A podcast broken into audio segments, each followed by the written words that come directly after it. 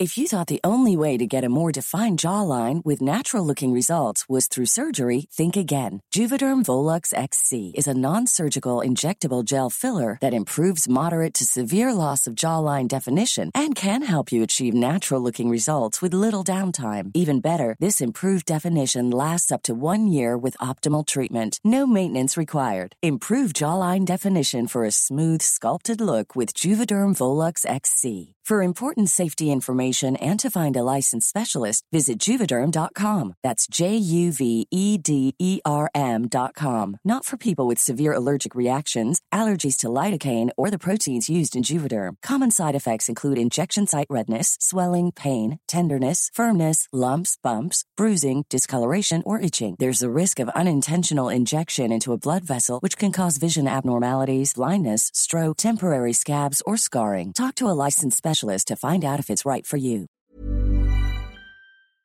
Da har vi akkurat spilt inn en ny episode av Aftenpodden USA, og denne gangen har vi hatt en gjest i studio, Kristina. Og vi har snakket om eh, noe veldig interessant, som er veldig mye snakk om for tiden, og det er jo faren for at Putin rett og slett tyr til atomvåpen i Ukraina. Ja, og Per Anders har vært egentlig ganske flink med å liksom walk me back from the ledge, så jeg har blitt litt, litt grann mindre engstelig enn jeg, enn jeg var eh, før vi begynte å spille inn denne podden, får jeg vel si. Ja, men vi måtte innom liksom hvordan en sånn krig vil se ut, og hva Vesten eventuelt vil svare med. Mm.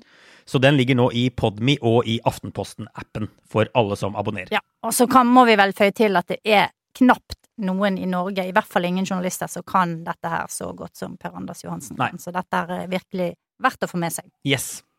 Ha det, ha det.